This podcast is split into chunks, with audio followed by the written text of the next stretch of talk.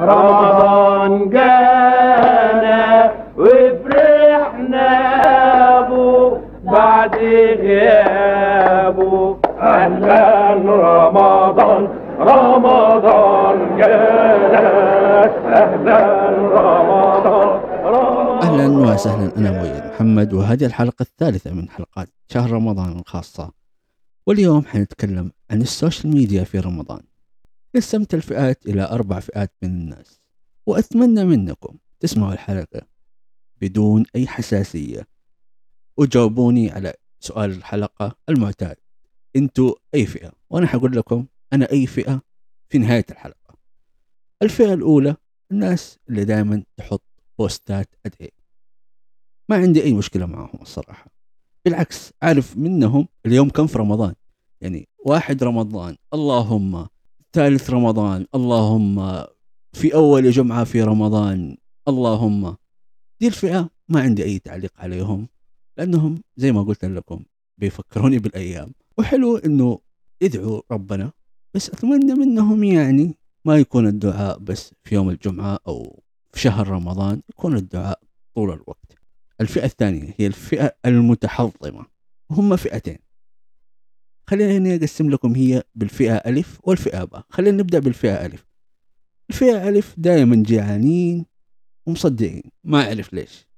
ما أعرف ليش ما أعرف ليش تكتبوا إنكم جيعانين أو مصدقين هل أنا كمؤيد لما أشوفكم تكتبوا جيعانين أو مصدقين هطلع لكم من ال- الشاشة حق جوالكم وأقول لكم شبيك لبيك. اطلب واتمنى غدا وفطور وعشاء وخذ بنادول عشان يروح الصداع. لا طبعا. انت صايم احفظ صيامك يا مسلم. إيش حستفيد أنا لما اعرف انك جيعان؟ أو انت إيش حتستفيد لما تكتب انك جيعان ومصدق؟ الفئة با ودول هم أصحاب الدوامات. وصراحة شهر رمضان ده في ميزة غريبة إنه دائما خمول 24 ساعة. وكلنا مرينا نفس نداوم قرفانين من الدوام واللي فيه. فما يحتاج تكتب لي دوام رمضان طويل وممل وانت نعسان ومصدع وجيعان. لأنه أنا ما حقدر أسوي لك شيء. مو عاجبك دوامك حول دوامك لليل. أو أكتب استقالة أو خذ إجازة. ولا تجنن الناس. الناس فيها اللي يكفيها. الفئة الثالثة هم حقين المسلسلات. هذه الفئة تلاقيها دائما مسنتر من بعد المغرب إلى الساعة 2 في الليل تغريداتهم دائما حلقة طاش حلوة. ولا يتناقشوا عن أحداث المسلسلات. كشخص ما يتفرج أي مسلسل عربي في رمضان أحس نفسي معاهم كذا زي الأطرش في الزفة يعني ماني فاهم. أنتوا بتتكلموا عن مين؟ مين ده جعفر العمدة؟ ومين دول دفعة لندن؟ و... ومين ومين ومين؟ فأنا إيش استفدت كشخص لا يتابع المسلسلات في رمضان؟ إيش استفدت منكم؟ وعاد كلكم ومناقشة كل رمضان كوم تاني. هذا النقاش دائما دائما دائما يصير في رمضان. رامز متفق مع الممثلين عشان يعمل معاهم مقالب أو لا. يا الله على هذا النقاش العقيم.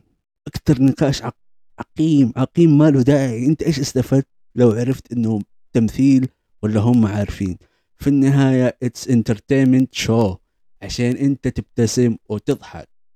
طبعا ما أتفق مع رامز باللي بيسويه لأنه هذا شيء غلط إنه تعذب الناس عشان تخلي الناس تضحك. بس أرحمونا من النقاش ده سواء كان تمثيل ولا مو تمثيل. أرحمونا. الفئة الرابعة والأخيرة أسميهم يهود بني قريظة.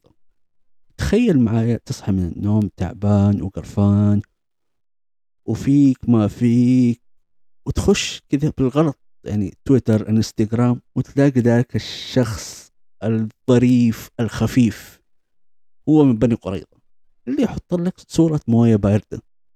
طيب يعني أنا إيش استفدت؟